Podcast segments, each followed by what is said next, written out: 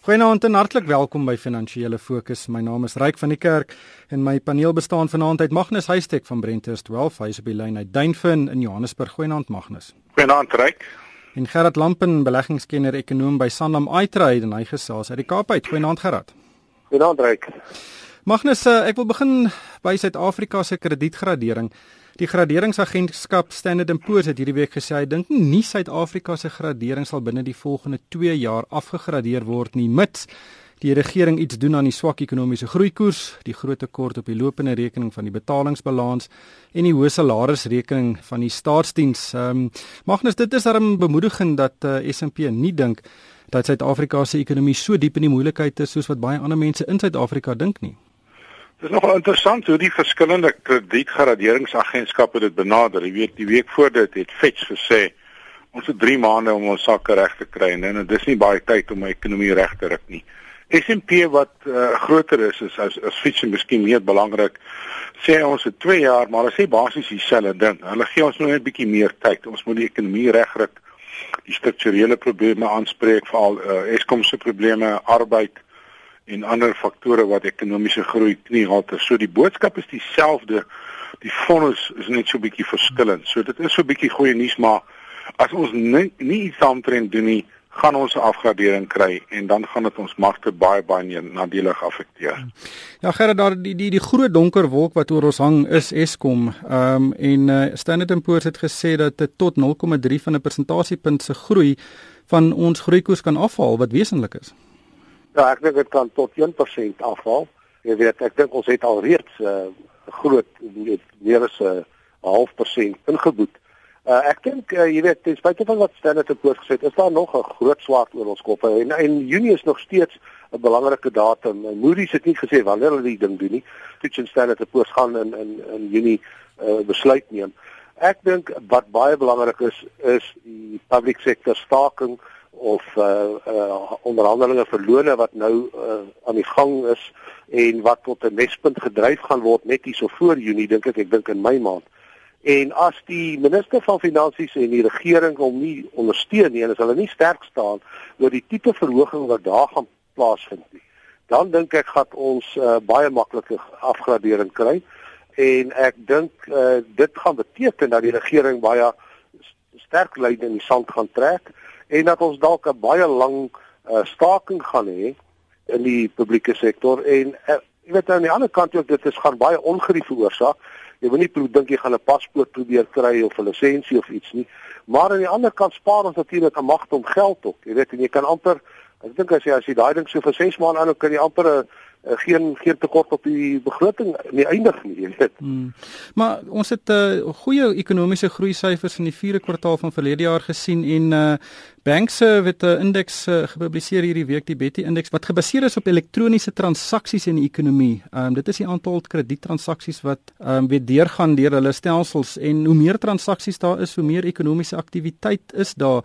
Gerard, dink jy nie weet die ekonomie is dalk onderliggende bietjie sterker as wat ons dink nie? Ja, dit is moontlik. Uh, jy weet, ons het nou jy weet groot verwagtinge gehad ook vir die petrolprys as hy nou die hele jaar laag bly. Ons gaan ongelukkig dink ek volgende maand 'n uh, redelike ernstige klap kry by die 80 sent in die uh, belastings en natuurlik ook die verswakking in die rand wat gaan deurkom met 'n verhoging van heelwat oor 'n rand seker.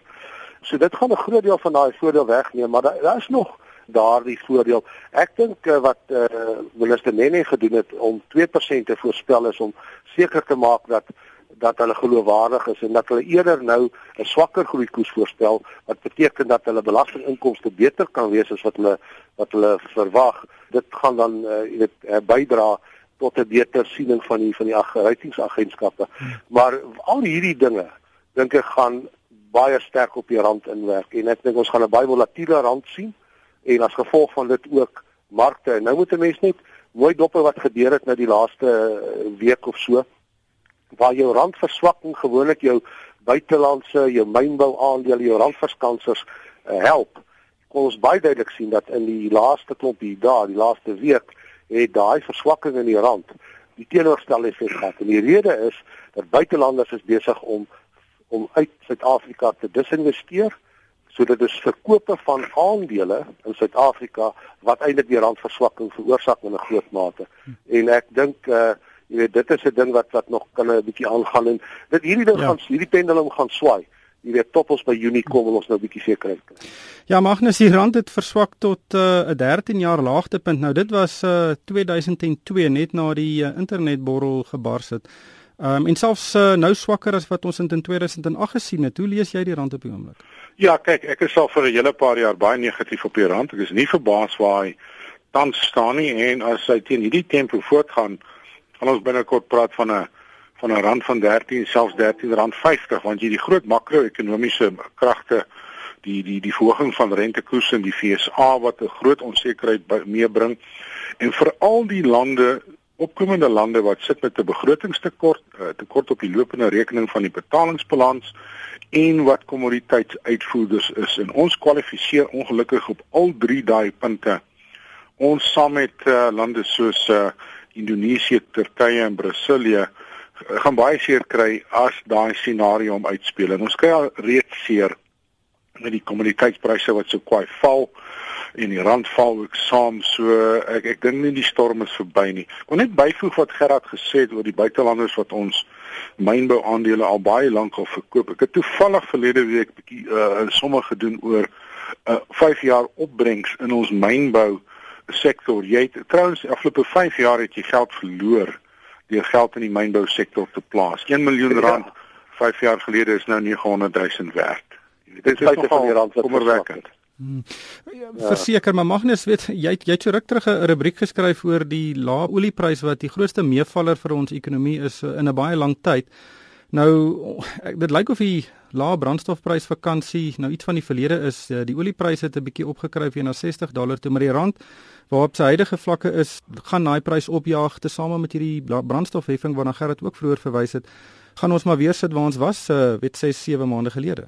Ja, dit kan is, maar my mens moet nooit vergeet nie die die dollar olieprys is wel af met 50%. So kan jy dink wat ons vir olie jo. en petrol sou betaal het teen huidige vlakke as dit nie geval het nie. So ons moet baie dankbaar wees daarvoor.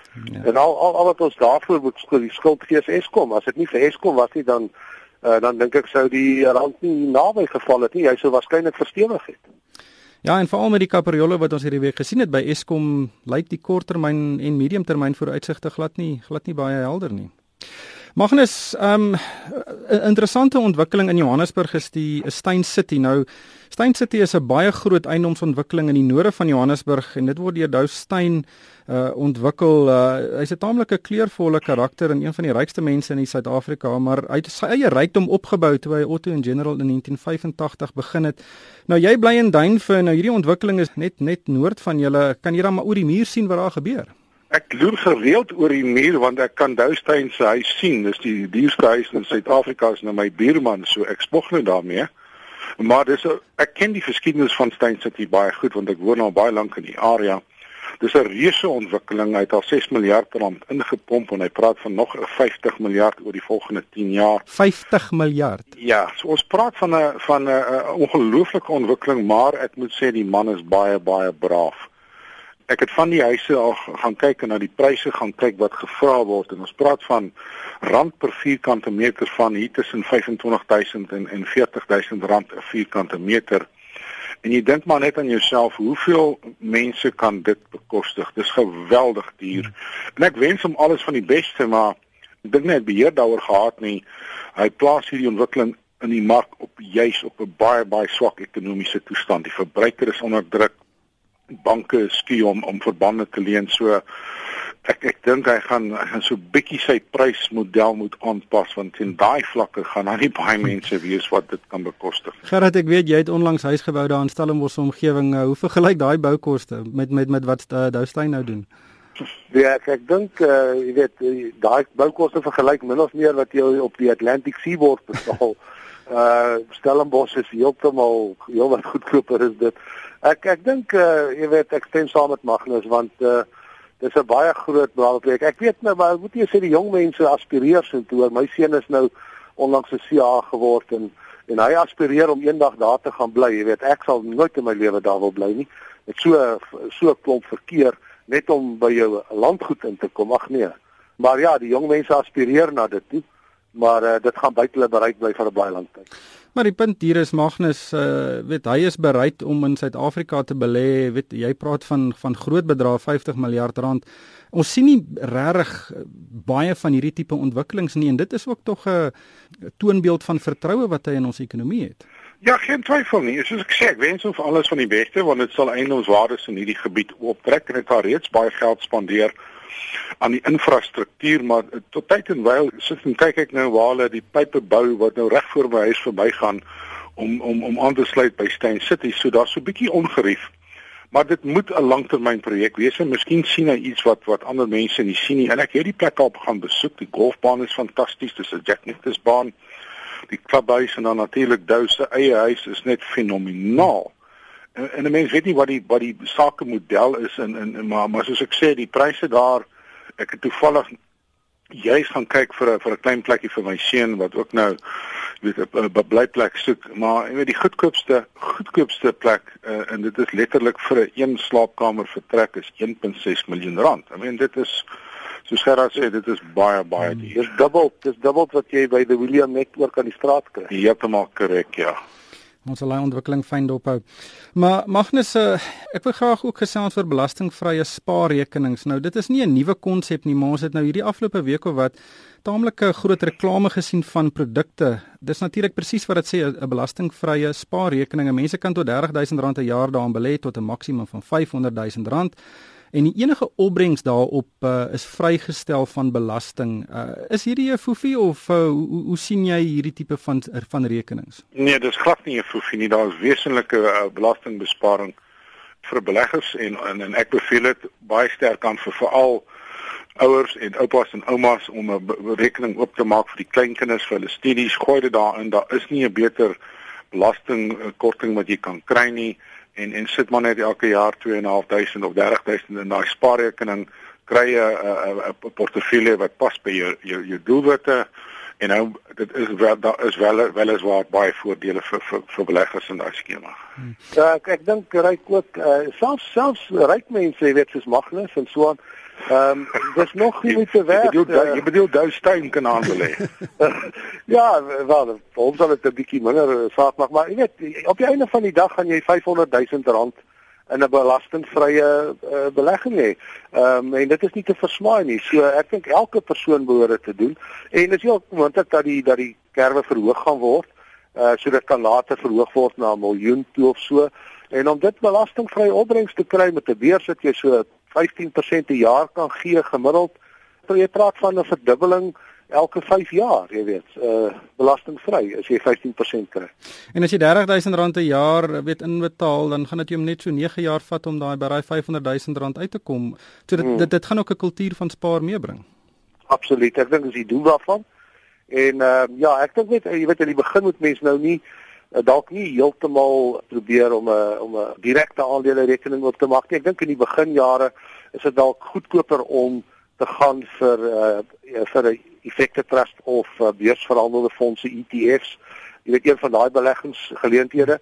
Maar nou hierso na so 2, 3 jaar as dit nou hier na 50 of 100 000 rand toe kom, dan kan mens begin met 'n direkte aandele portefeulje, jy weet. Hmm.